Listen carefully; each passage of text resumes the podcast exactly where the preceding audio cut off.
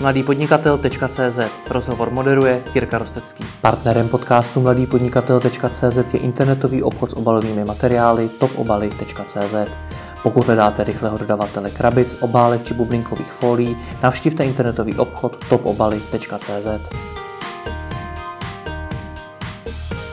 Spoluzakladatel VR Genius Marek Polčák. Dobrý den. Dobrý den. Pojďme prosím na začátek představit, co to vlastně VR Genius je. VR Engineers je startup, eh, firma zabývající se technologií virtuální reality.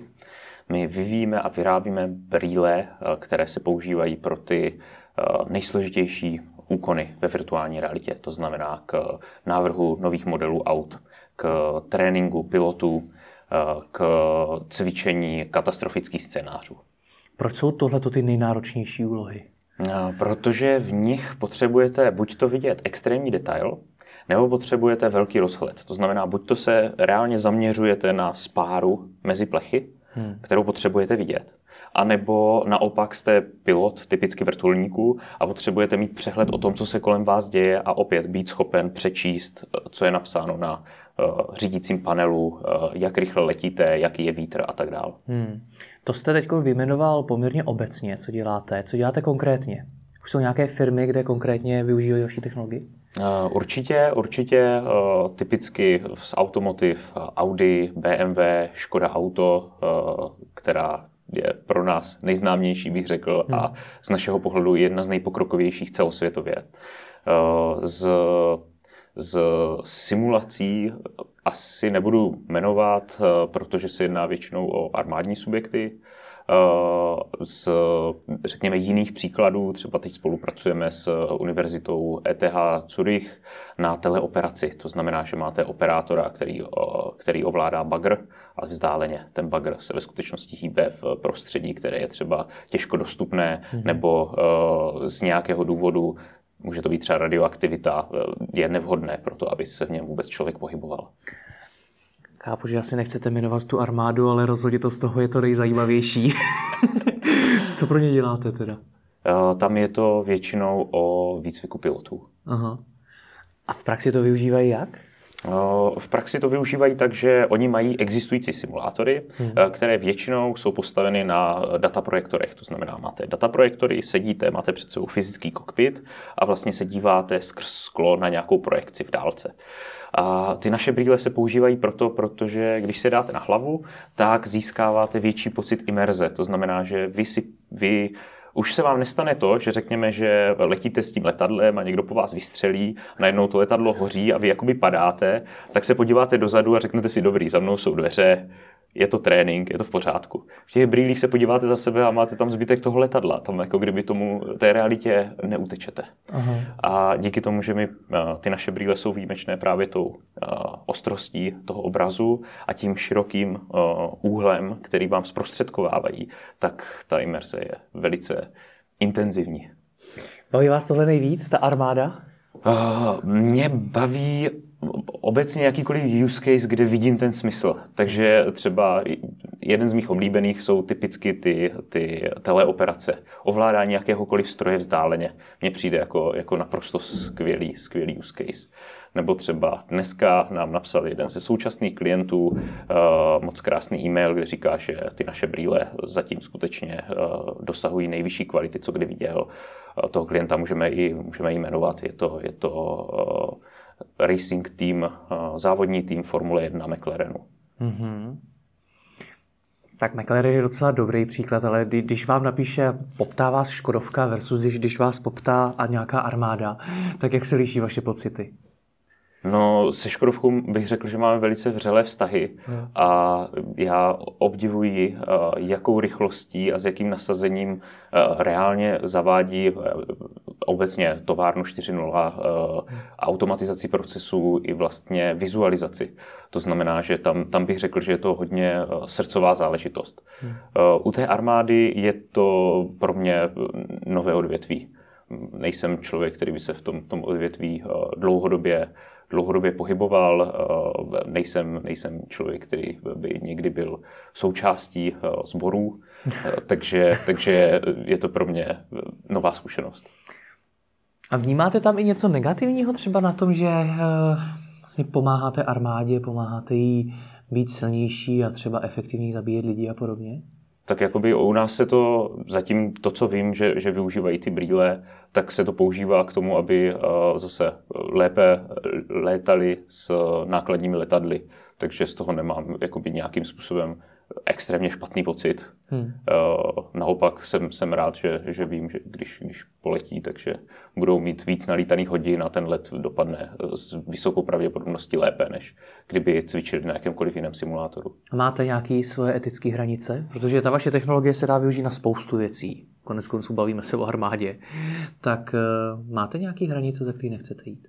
No, tak určitě máme, ale, ale mm, nedokážu vám je asi pevně popsat. Takže kdyby to chtěli dát do bojových letounů a opravdu na tom trénovat uh, útoky na nějaký konkrétní cíle, kde budou nejspíš umírat lidi, tak byste s ním byli v pohodě? Tak bychom se o tom asi dokázali bavit. Takže tam ta hranice ještě není. Tam, tam určitě nejsme a doufám, že ani nebudeme. Pojďme ještě víc vás představit. Kdo vlastně jste? Je za vámi nějaký velký tým? Jak, jak to vypadá to zákulisí?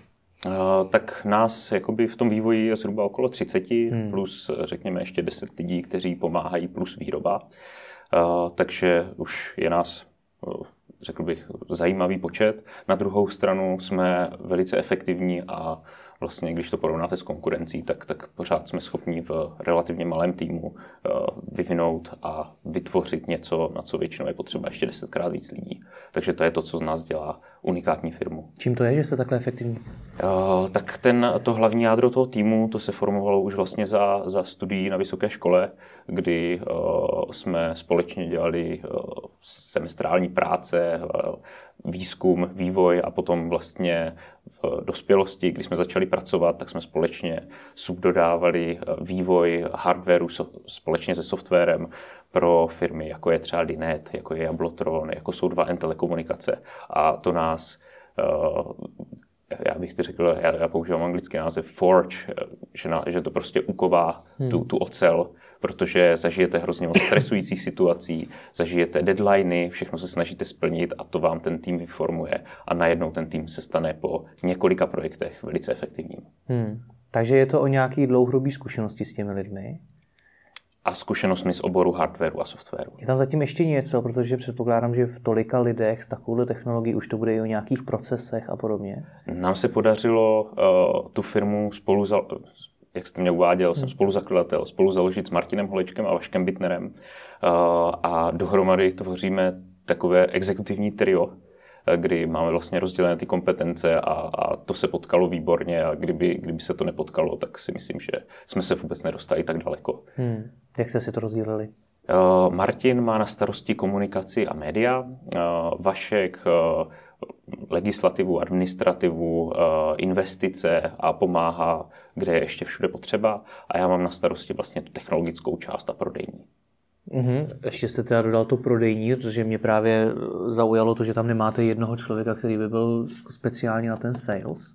Není to zatím potřeba? Uh, ne, ne, my máme, máme jakoby drobné sales oddělení, které teď aktuálně má čtyři lidi a obsluhuje, obsluhuje klienty, kteří k nám přijdou a začínáme aktivně oslovovat nové klienty. Hmm. K tomu se ještě dostaneme, jak je vůbec, vůbec eh, získáváte ty klienty. Vy tři zakladatelé jste kdo? Jste nějací vynálezci? Jak, jak byste se nazvali? Hmm, technici. Technici. Technici vystudovaní z ČVUT v Praze. Uh, řekl bych, já, já jsem studoval kybernetiku, Martin s Vaškem studovali uh, nevím, jak se ten obor v té době jmenoval, ale programování grafiku a, a tady v téhle skupině jsme to dali dohromady. No. Jak vás to napadlo vytvořit srovna brýle pro 3D realitu? E, tak já jsem začínal s tím, že jsem uh, udělal uh, turistickou atrakci, jmenovala se Fly Prague a byl to vlastně průlet nad Prahou ve virtuální hmm. realitě. A k tomu jsem tehdy potřeboval brýle. Takže vás to vždycky tak nějak lákalo, ta 3D realita? Zajímají mě nové technologie.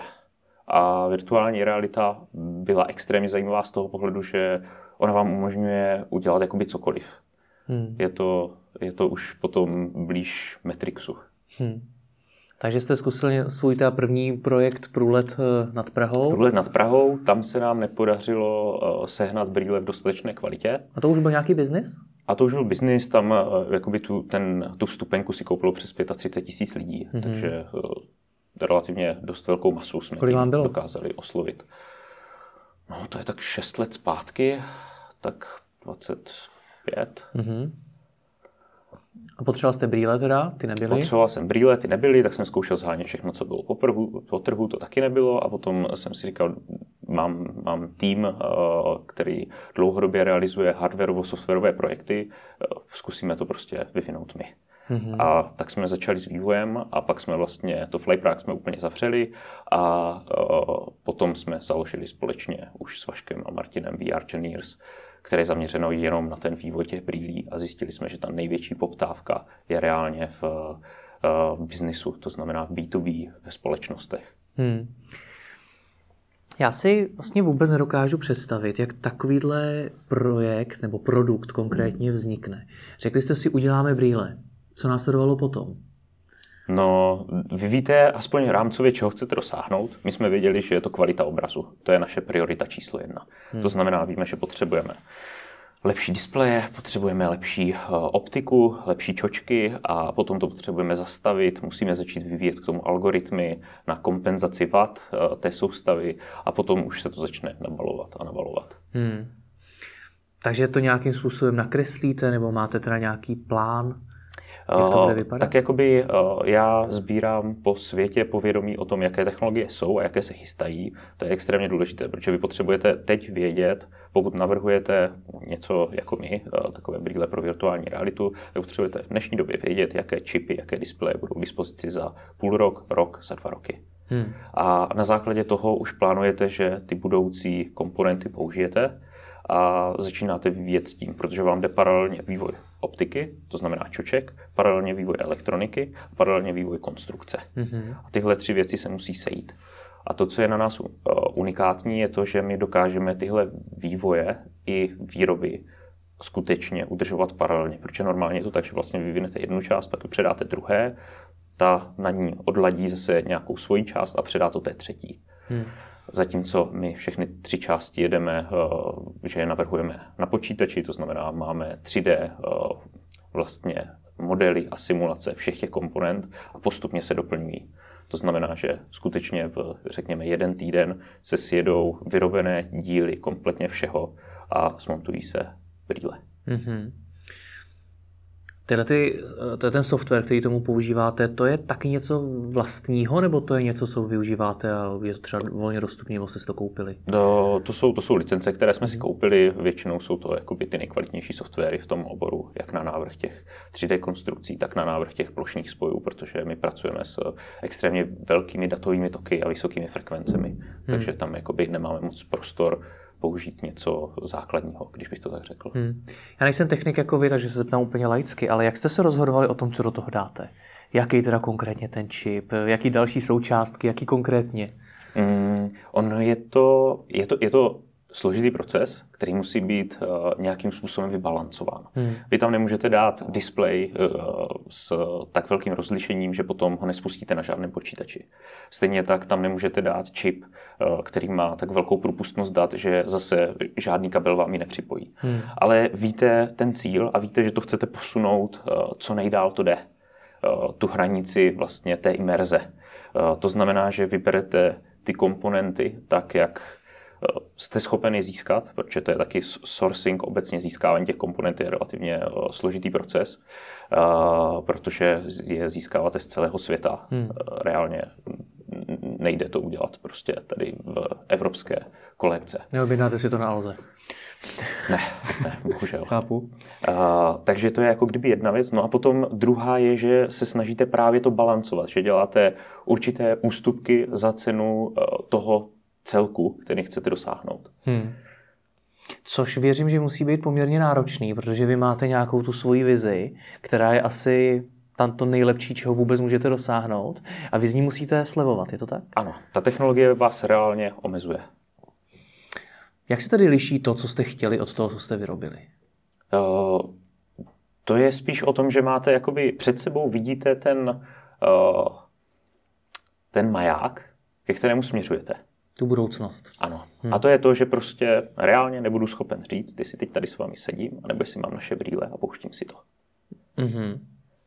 Protože potom, pokud se nám to podaří dosáhnout, tak potom budete schopen odsimulovat, natrénovat, otestovat cokoliv ve výrobním a vývojovém procesu. Hmm. To je to, k čemu my směřujeme. A to, že teď uděláte krok, který z vašeho pohledu je tři, tři schody nahoru, a z pohledu třeba někoho jiného je pět schodů nahoru, to už není jakoby to důležité. Důležité to je, jestli jdete tím správným směrem. Hmm. A to já jsem přesvědčen, že se nám daří. Jakou roli v tomhle všem hrály peníze? Protože vy asi taky musíte přemýšlet nad tím, aby ten produkt byl za nějakou cenu, za kterou ho ten trh přijme. Je to tak. Je to tak, u hodně startupů je to dokonce tak, že eh, získají výrazně vyšší financování. A potom eh, k tomu, aby dosáhli nějaké masy na tom trhu, tak eh, fakticky hm, sponzorují rozšíření toho produktu, to znamená prodávají ho třeba i pod výrobní cenou. Hmm. My jsme si tady tohle nemohli a ani nechtějí dovolit, to znamená, my reálně prodáváme za cenu, která je pro nás dlouhodobě utržitelná. V současné době prodáváme za cenu 5800 euro za jeden kus brýlí. Hmm. Takže pro vás, teď jste vlastně řekl, že pro vás bylo důležité, aby to byl masový produkt. Masový? Mm-hmm, jestli, tomu, jestli tomu dobře rozumím. Chtěli jste, aby ho teda využívalo co nejvíce firm, je to tak? Ano, co nejvíce firm, ale eh, je potřeba si uvědomit, že vlastně my prorůstáme tím trhem ze zhora dolů. To znamená, že teď jsme v těch firmách, jako je to Audi nebo BMW, to jsou 100 tisícové firmy, eh, co se týče počtu zaměstnanců. A postupně s tím, jak zvyšujeme produkci, tak zároveň chceme i když inovujeme, tak pořád to zvyšování produkce vám umožňuje tu cenu výslednou slevňovat mm-hmm. aniž by na tom eh, trpěla vaše marže. Hmm. A díky tomu, že slevňujete, tak jste schopen potom oslovit i firmy, které mají desetitisíce lidí, tisíce lidí, anebo třeba na konci i desítky. Takže je jedním z těch cílů mít více variant toho produktu, levnější, dražší? Uh, cílem je být schopen buď to ten produkt vyrobit levnější, aby jsme mohli potom ho skutečně dodat, řekněme, tříčlennému architektonickému studiu, hmm. Anebo mít více variant produktů. Jak je to reálný vyrobit ho takhle levněji, protože to tříčlenému studiu to znamená vyrobit ho mnohem levněji pravděpodobně. Před chvilkou se zase mluvil o tom majáku a o tom, jak drahý jsou ty technologie, tak je to vůbec možný? Je, ale je to o vlastně té kupní síle toho trhu a potom o naškálování té výroby. Reálně ta cena padá s počtem pokud něčeho budete vyrábět milion kusů, je to eh, za zlomek ceny oproti tomu, když budete vyrábět 10 kusů. Hmm. Na druhou stranu vy jste taky mohli jít tou cestou ne té masy, vyrábět toho tolik i pro tříčlený studio, ale cestou pro těch speciálek, těch velkých firm, eh, kterým to třeba prodáte za mnohem větší peníze, byť toho prodáte míň. Proč jste se vybrali tu druhou cestu? Tam, tam jsme jakoby teď. Tam jste teď, ale tam chcete jít jinam a chceme jít dál, já bych řekl. Eh, my tady téhle klientely se nechceme zbavovat. A stejně tak víme, že oni budou pozitivně kvitovat, když mi eh, se nám podaří tu cenu snížit. Hmm. Eh, protože logicky budou mít rozpočet na to, aby si koupili a vybavili zase větší počet těch pracovišť. Hmm. Takže tam to nejde proti sobě, naopak to jde ruku v ruce a je možné, že vlastně k dosažení toho většího objemu dojde jenom tím, že najednou my budeme jenom ve víc těch firmách. Že ani nedojde k tomu, že budeme tou masou jakoby dolů. Hmm. Sám jste řekl, že máte feedback, že jsou to asi nejlepší brýle pro tu 3D realitu, nebo pro tu virtuální realitu. Pro určitá scénária. Třeba neřekl bych, že to tak je pro hraní stříleček. Hmm. Jak se tohle toho dá dosáhnout? Já, já rozumím tomu dát tam ty co nejlepší technologie. Je to jenom o tom, nebo je zatím ještě něco dalšího, co tu kvalitu vyžene takhle daleko? Ne, tak ku příkladu, my si vyvíjíme a vyrábíme vlastní čočky. Mm-hmm. Což je jedna z klíčových komponent. Já hmm. obecně eh, řík, tvrdím, že kvalita obrazu v brýlích pro virtuální realitu je dána třemi komponentami. Display, ano, tam používáme ty nejlepší displeje. Eh, čočka, ty si vyvíjíme a vyrábíme sami. A potom kompenzační algoritmy. To znamená algoritmy, které ještě ten obraz neskrášlují, ale já bych řekl uh, opravují. Předpokládám, že ty, ty poslední dvě věci, ty čočky a ty algoritmy, to je to vaše know-how. Přesně tak. Takže vás nejde skopírovat. Mm, zatím se to nikomu nepodařilo. A čím to je, že těm ostatním konkurentům, protože mě osobně přijde jako lajkovi, že podobných brýlí se v posledních letech objevilo vícero, že určitě jako nejste mhm. sami. Mm-hmm. Tak čím to je, že oni takové kvality nedosáhli, když tady tři studenti z ČVUT dají dohromady nějaký komponenty, něco, něco vytvoří vlastního a je to.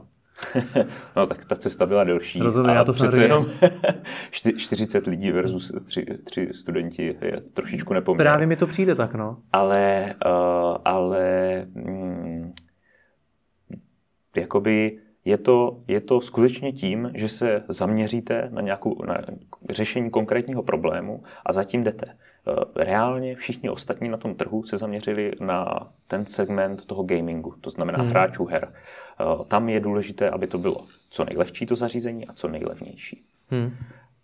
Zatímco u nás je nejdůležitější kvalita. Což bude ale asi u těch, eh, u těch, co se zaměřili na herní svět, ne? Tam ta kvalita není číslo jedna, tam je číslo jedna cena. Hmm. Proč jste nešli taky tou cestou, cestou gamingu? Uh, my máme tu možnost stále otevřenou do budoucna, protože si myslíme, že část těch technologií, které jsme vyvinuli, by byla velice užitečná pro gaming a reálně proskoumáváme tuhle variantu. Tomu rozumím, to jste mi odpověděl na tu budoucnost, nebo na to, že to máte otevřené, ale ne na to, proč jste do tohle toho světa, světa her nešli rovnou. Většina tam jde. Většina tam jde, ale to je dáno tím počátečním zaměřením. Pokud hmm. my od začátku víme, chceme udělat brýle s nejvyšší kvalitou, eh, tak tu kvalitu musí být schopen někdo zaplatit. Hmm. A tam se vám to jakoby okamžitě rozejde do dvou cest. A jak je vnímáte ty ostatní firmy, které jdou světem toho gamingu? Vnímáte je tak, že se vydali směrem, který třeba není tak uh, biznisově zajímavý, nebo je něčem horší než ten směr, kterým jste se vydali vy? Mm, ne, ne horší, jakoby uh, taky máte nákladní auta a máte osobní auta. A nemůžete říct, jakoby, že nákladní auto je horší. Hmm. Nákladní auto je určeno k jinému účelu. Hmm. A úplně stejně já to vnímám. Já si taky rád zahraju hru v gamingovém headsetu, Eh, rád zkouším různé headsety, logicky, protože to vychází z, z naší práce, eh, ale, ale ne, neberu to jako špatně nebo dobře. Eh, beru to jako kontinuální progres celého odvětví, hmm. Já, do kterého si... my taky přispíváme. Já jsem si o vás zjišťoval víc informací, tak mě celou dobu napadala otázka, jestli třeba nevnímáte to, jak moc se využívají podobné brýle a podobné technologie v tom gamingovém světě, jako jejich podcenění. Protože najednou jste přišli vy a to, co se používá v gamingovém světě, jste přenesli do úplně jiných oborů. Je to tak, ale zase je potřeba si říct, jak je vůbec ta historie, protože virtuální realita jako taková se, formo, se začala formovat někdy 1990, 2000 už byla nějakým způsobem fungující, ale v B2B Hmm. Ten důvod, proč vlastně ty první brýle se vyvíjely, tak byla skutečně potřeba eh, segmentu automobilového průmyslu na evaluaci konceptu. A to je něco, co hodně lidí neví, protože eh, to má spojeno právě s těmi hrami. Hmm. Eh, protože to má spojeno s tím, že před, nevím, řekněme, třema, čtyřma rokama se stalo to, že najednou ty headsety byly vidět, byly v médiích a lidé si řekli, vynalezla se virtuální realita. A skutečně to tak je pro to masové použití pro ty hry. Ale ve skutečnosti v tom, v tom industrii je ta historie delší. Hmm, rozumím. Ještě, ještě k té výrobě. Jak je přitom důležitý design? Tak design určitě hraje roli uh, a nemalou, protože... Myslím design těch brýlí teď. Ano, hmm. protože, protože uh, paradoxně ten design je to, co uh, co vám může způsobit první uh, překážku. Uh, protože obecně ty brýle, jedna z překážek je, musíte si dát něco na obličej.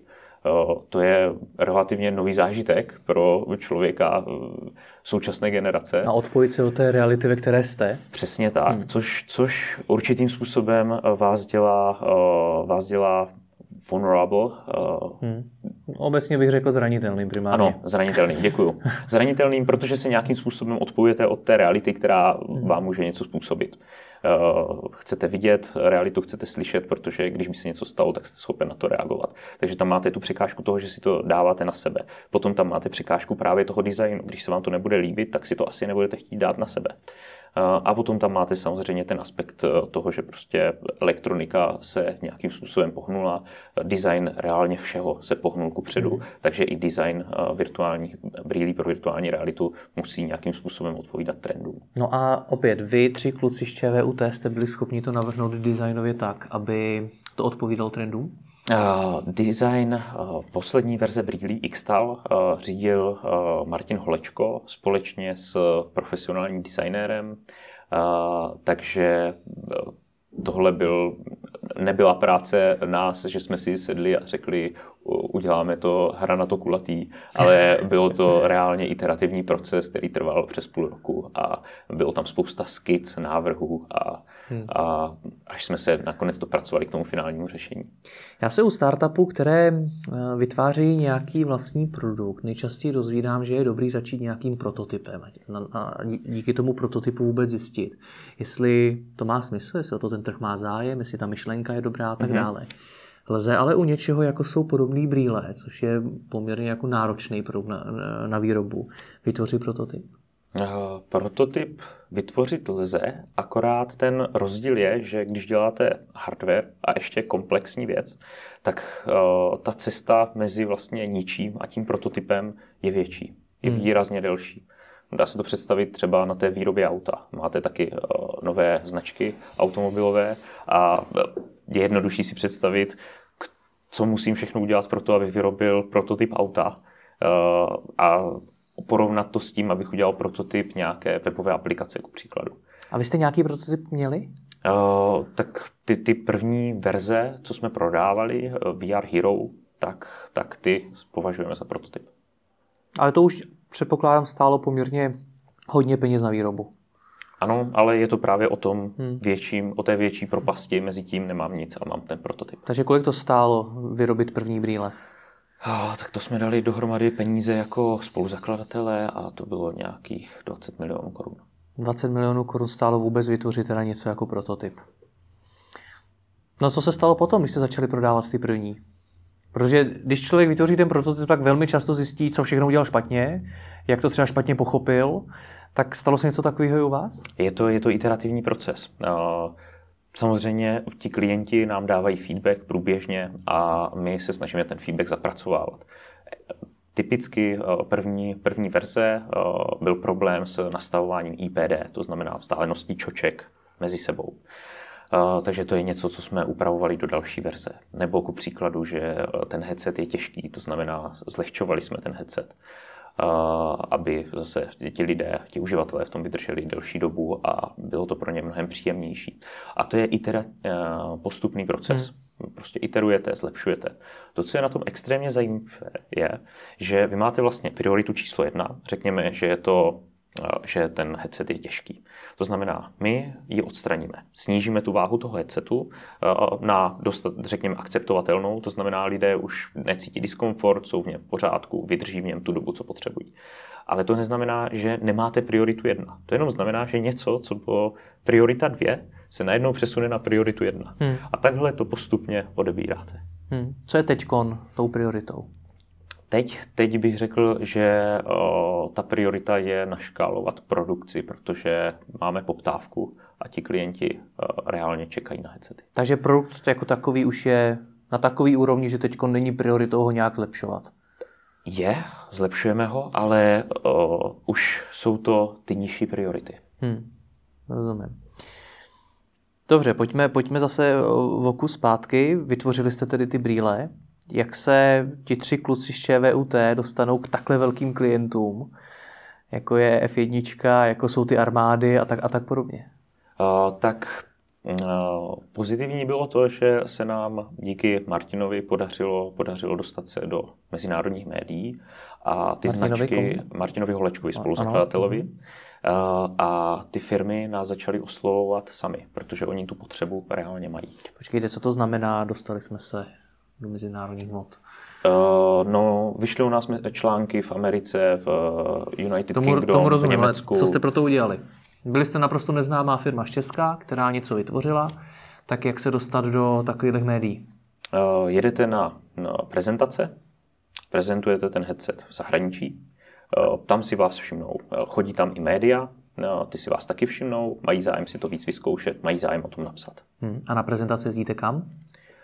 Uh, San Francisco, Ale myslím obecně, Německo. co to je za akce. Nepřijdete do San Francisca na náměstí, neuděláte prezentaci.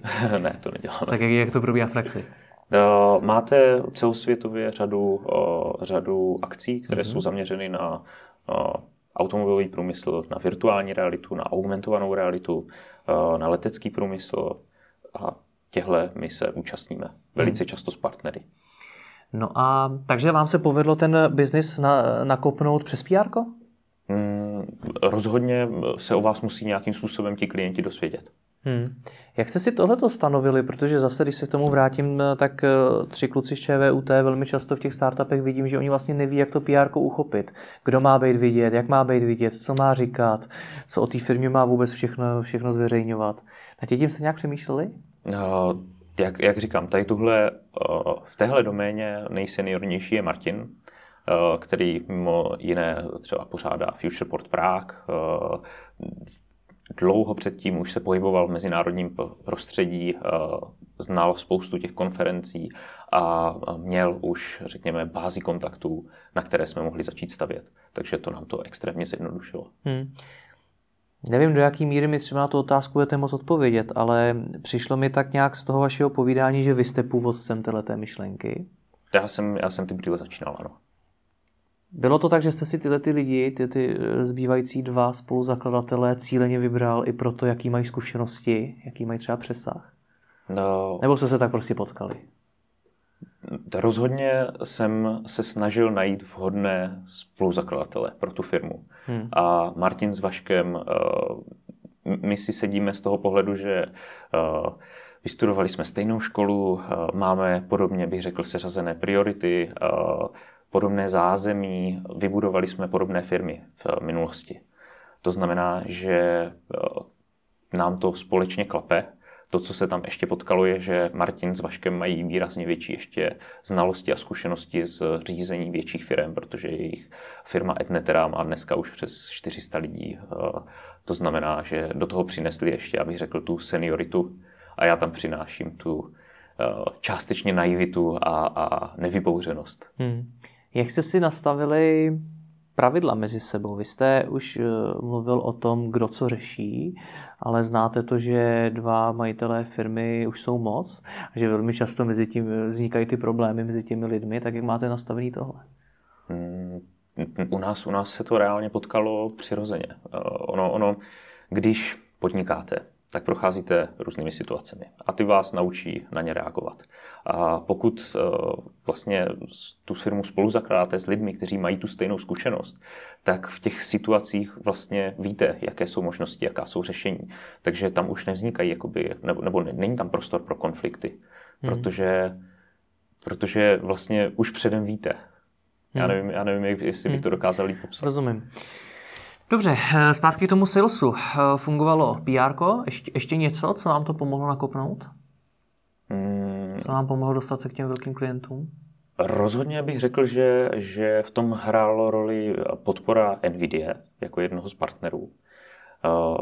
Eh, dodavatele vlastně grafických karet, který, kteří si vyzkoušeli náš headset a na základě toho, že vlastně řekli, ano, tahle firma má technologii, která je zajímavá, tak nás začali velice silně propagovat, podporovat a pomáhat nám. Takže to pomohlo typicky se zháněním těch nových čipů, se zháněním nových typů technologií a s propojováním do té mezinárodní komunity. A potom bych řekl, že po té sales stránce nám pomohla naše pozice. My jsme extrémně blízko Mnichovu, Německu. A v Německu ta industry obecně a B2B je velice, velice vyvinuté a řekl bych, že na špici. Hmm. Takže v ničem nevadí to, že jste česká firma? Sedělo na vašem místě tady už vlastně několik podnikatelů, kteří mi řekli, ale to, že jsme česká firma, vlastně v zahraničí někteří nevnímají úplně dobře. Neřekli, že to nevnímají dobře, ale je to těžší. Určitě, když bych e, nevystudoval ČVUT, ale třeba MIT, tak e, ta cesta toho růstu bude jednodušší, protože člověk bude mít konexe, jak na, na venture fondy, tak právě na kolegy, kteří třeba budou dělat do Intelu, do Microsoftu a najednou člověka propojí dál a pomůže mu to. Hmm. Na druhou stranu neřekl bych, že to je nemožné. Reálně prostě jsme česká firma, českoamerická firma, která má vývoj v České republice, tady v Praze, v Chlešovicích a jsme dost zajímaví na to, aby třeba ten McLaren se zbalil, doletěl do Prahy a přišel si ty brýle vyzkoušet a pak si od nás koupil. Opravdu letěl McLaren za váma a ne vy za McLarenem? Tady v tomhle případě letěli oni za námi, protože my jsme to nezvládali. Ale není to, jakoby, ne, není to, není to podmínka. Samozřejmě. Neměli jste na McLaren čas tam letět. To, tak, bych to, tak bych to neřekl. Ale myslím si, že tady uh, u nich ten důvod byl, že my bychom neprošli jejich security, aby nás pustili do laboratoří, kde chtěli ukazovat ten, kde to chtěli testovat. To mhm. znamená, myslím si, že pro ně bylo jednodušší přiletět k nám. Mm-hmm. No, zmínil jste, že teď už teda nějaký vlastní sales team máte, takže už na to chcete jít teď jinak? Už ty konference nestačí? No, tak je potřeba aktivní růst. Hmm. Ty konference nám eh, zajistí, eh, řekněme, desítky prodaných kusů, teď už je potřeba se zaměřit na stovky a tisíce. A k tomu je potřeba samozřejmě jiný proces. To znamená, uh, už nestačí jenom čekat na to, že někdo po konferenci se ozve, ale reálně už máme rozsegmentovaný trh na jednotlivé vertikály a na jednotlivé velikosti firm, které začínáme aktivně oslovovat, protože víme, že mají use casey, na které by se naše brýle hodily. Hmm. Všechno tohle opět zvládáte sami, nebo už je to něco, s čím vám třeba radí někdo, někdo zkušenější? Jak třeba přistoupit k tomu salesu, jak si rozsegmentovat trh? Na ten sales uh, taky máme několik advisorů, ale, ale na ten sales typicky jsme se spojili s jednou firmou, kterou nám doporučil zase jeden z našich současných investorů, uh, Martin Rozhoň, uh, aby, která, která se zaměřuje na rozbíhání vlastně sales uvnitř firm. Hmm. To znamená, že vám pomůže nastavit ty procesy, onboardovat lidi, měřit jejich výkonnost, aby urychlila ten proces. Hmm. Jste zmínil ty investory. Kdy jste přijali prvního investora? Předpokládám tedy, že rovnou na začátku? Nebo tam no, jste vlastně, dávali vlastně 20 milionů sami? To, to jsme dávali dohromady. Mm-hmm. Uh, to jsme dávali dohromady a potom vlastně v následujícím půl roku už jsme přijímali uh, první investory, kteří jsou vlastně angel investoři, to znamená úspěšní podnikatelé a biznismeni. Takže, takže jste uh, ten první model vyvinuli za vlastní peníze? Ten první prototyp, ano. A za těmi investory jste už šli teda s něčím, co jste měli hotové. Jak se vám vyjednávalo s nimi? Hmm, tak no, tady v těch vyjednávání velkou roli hrál zase Vašek Bitner, hmm. který uh, řídí nebo společně se mnou řešíme investice a vlastně vyjednávání. To znamená, uh, vlastně půlka těch investorů je přes Vaška, půlka, půlka investorů je přeze mě, že jsme se zeptali v našem okolí s lidmi, které známe, jestli by nám doporučili, na koho se obrátit, aby si to zase sedlo, protože um, je důležité mít i správné investory. Hmm. Jednoznačně. Proč?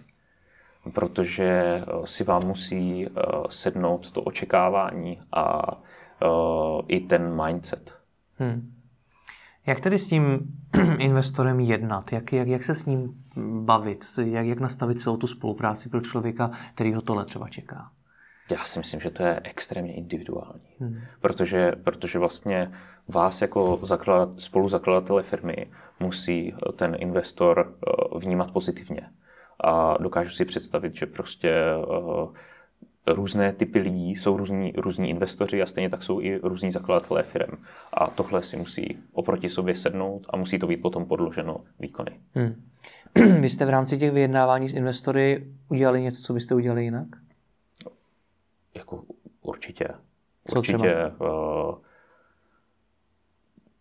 Zaměřovali jsme se z začátku na Ameriku, protože jsme si mysleli, že, že to je jako kdyby ta správná cesta. Pak jsme zjistili, že ve skutečnosti eh, ta správná cesta mm, je Evropa, hmm. protože tady máme víc klientů aktuálně, eh, lepší vazby, ten trh nás zná, máme tady nějakou kredibilitu. V té Americe si myslíme, že by to bylo lepší právě, kdyby člověk tam třeba studoval. Hmm. Takže jsou, můžou to být jakoby eh, takovéhle rozhodnutí, můžou to být i rozhodnutí typu tady na tenhle investorský event hmm. už bych příště nejel, protože ve skutečnosti tam nebyli ti, kteří jsou vhodní pro mě, naopak zkusím nějaký jiný. Kolik už do vás bylo zainvestováno? Uh, 2 miliony dolarů. A vy už jste dokázali investorům vrátit? Uh, ne, to je až v pozdější fázi. Kdy, kdy to tak očekáváte? Jestli všechno bude dobře, tak doufáme, že do dvou let se dostaneme hmm. na break-even, to znamená, že potom už ta firma reálně začne generovat. Hmm. A budete chtít ještě další investory? Určitě. Hledáme, hledáme další investory na další růst. A hledáte jenom v Česku nebo už i v zahraničí? No, hledáme v Evropě. V Evropě. Je velký rozdíl mezi těmi českými investory a těmi zahraničními? U těch, se kterými my jednáme, tak v rámci Evropy bych řekl, že uh, nějak extrémní, co se týče uh, hmm. jejich přístupu nebo dotazů nebo věcí, které chcou stokladovat. Uh, ano, němečtí investoři, v Německu je víc fondů, které mají víc peněz, ale neznamená to, že v České republice nejsou hodné fondy. Hmm. Co je vlastně váš cíl? Chcete to jednoho dne prodat za pořádný balík, nebo co je ten cíl? Tak jakoby cílem musí být zhodnotit tu investici těch investorů. To je jako kdyby přesto nejde vlak a tím směrem prostě musíte jít, protože tehdy, když jste přijmul peníze, tak je to váš commitment ty peníze hmm. zhodnotit. A, ale děláte to tím způsobem, jaký si myslíte, že je správný. Pro nás si myslíme, že ten správný způsob je vyvinout prostě brýle s nejlepším kvalitou obrazu na světě pro virtuální realitu a ty rozšířit do trhu. Ale předpokládám, že to je něco, co bude chtít určitě řada firm jednoho dne koupit. Možná už teď chce, už se dostali nějaké nabídky? Uh, nabídky na přímý odkup jsme ještě nedostali. Uh, bavíme se třeba o licencování některých částí hmm. technologie, co jsme vyvinuli. A je to tedy ten cíl to jednoho dne prodat? tím se ta investice může hezky zhodnotit. Uh, může to být cíl, pokud bychom byli extrémně ziskoví, tak to nikdo chtít prodávat nebude, ale rozhodně ten exit uh, té firmy je jeden z kýžených cílů. No a máte teda vy osobně nějaký cíl, co z toho chcete mít? Jakoby finanční? Hmm? Jestli chcete být extrémně ziskový a jednoho dne to prodat, nebo co je ten váš cíl? Můj osobní je, abych dodržel ten komitment vůči těm investorům a abych v tom pokračoval, protože mě to neskutečně baví. Hmm.